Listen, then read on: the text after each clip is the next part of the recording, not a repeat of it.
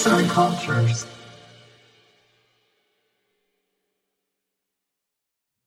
Merhaba sevgili dinleyenler. Bugün sizlerle Nietzsche'nin düşlerinden bahsedeceğiz. Keyifli dinlemeler. Freud büyük bir dönüşme yol açacak olan popüler kitabı Düşleri yorumunu 20. yüzyılın henüz başında 1900 yılında yayımladığında metnin genel amacını şu şekilde belirtir. Düşleri yorumlamak için ruh bilimsel bir teknik bulunduğuna ve de eğer yöntem kullanılırsa her düşün kendini bir anlamı olan ve uyanıklık yaşamının zihinsel etkinlikleri arasında kayda değer bir yere yerleştirebilecek ruh bilimsel bir yapı olarak ortaya koyacağına kanaat getireceğim. Onun uzun yıllar boyunca geliştirdiği düş teorisi, düşlerin görünen ya da açık ve gizli içerikleri arasında bir ayrıma odaklanmaktadır. Böylece özü itibariyle Freud'un düşleri yorumlama yöntemi, düşlerde görünen içerikten daha anlamlı olan bir gizli içerik bulunduğunu ortaya çıkarma amacı güden, psikanalitik bir araç olarak kullanılma amacı güder. Bu sayede Freud, zihnimizde oluşan izlerin düşlerimiz aracılığı ile nasıl düzenlenebileceği sorusuna yönelir. Ona göre bizler düşlerimizin daima bir şeyler öğrenmek isteriz. Bunun için yapmamız gereken ise olabildiğince fragmanları anımsayıp günlük yaşamın akışı içinde olup bitenler arasındaki bağı oluşturabilmektir. Freud bu sayede düşlerimiz aracılığıyla kendimize dair daha çok şey öğrenebileceğimizi varsayar.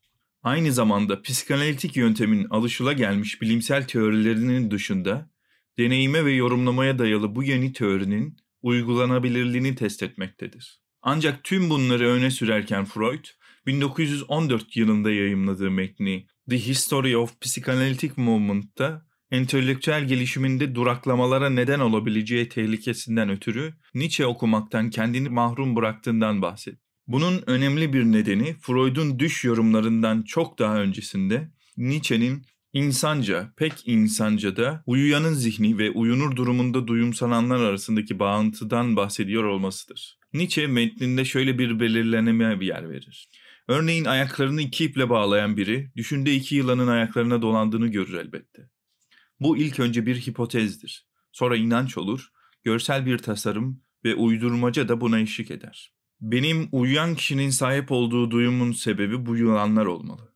Böyle yargıda bulunur uyuyan kişinin zihni.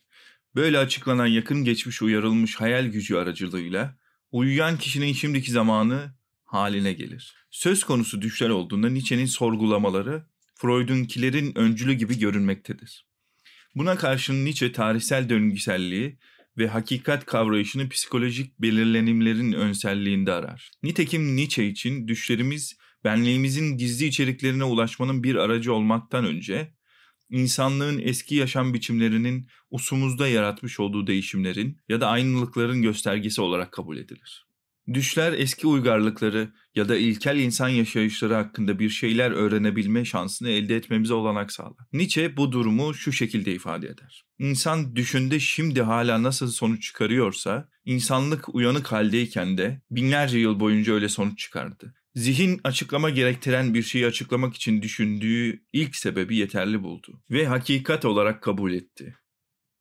İnsanlığın bu kadim parçası düş gördüğümüzde içimizde devam etmektedir. Çünkü daha yüksek aklın üzerine geliştiği ve her insanda hala geliştiği temel budur. Düş bizi insan kültürünün en eski durumlarına geri götürür ve onları daha iyi anlamak için bir araç sunar. Aslında düşler Nietzsche'nin yaşamında da önemli bir yere sahiptir. Öyle ki Sorrento yolculuğu sırasında yakınlarına yazdığı mektuplarında sürekli olarak düşlerinde geçmişten gelen insanların ya da ölülerin onu ziyaret ettiğinden bahsetmektedir. Ayrıca 1879 yılında yayınladığı Karışık Kanılar ve Özdeyişler'de bir düş yorumuna düşlerde ölüleri görmenin ne anlama geldiğine yer verir. Güçlü değişimlerin işareti. Kişi uzun süredir unuttuklarını ya da ölüleri görünce düşünde, içinde güçlü bir değişim yaşandığının ve üzerinde yaşadığı zeminin tamamen alt üst edildiğinin bir işaretidir bu. O zaman ölüler dirilir ve eski zamanlarımız yeni zamanlar olur.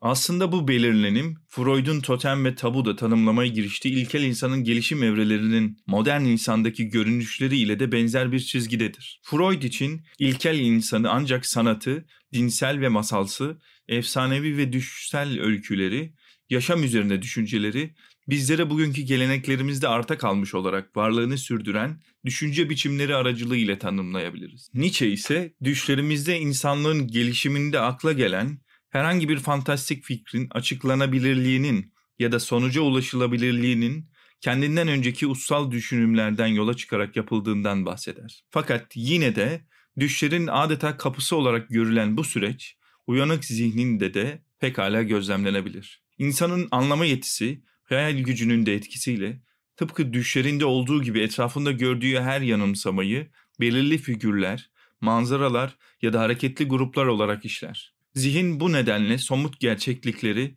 daima etkilerin nedeni olarak kabul görür. Bu gündüz düşleri aslında hayal gücünün bir oyunudur. Bu süreçler akıl ve anlama yetisinin farkında olmaksızın ilkel açıklama biçimlerine başvuruyor olmasından kaynaklanır. Bu yönüyle Nietzsche, hakikatin düş yoluyla aktarımında düşten metafiziğe doğru bir köprü kurmaktadır. Yazan Dilan Ergün, seslendiren Alpagut Aykut Tüzemen.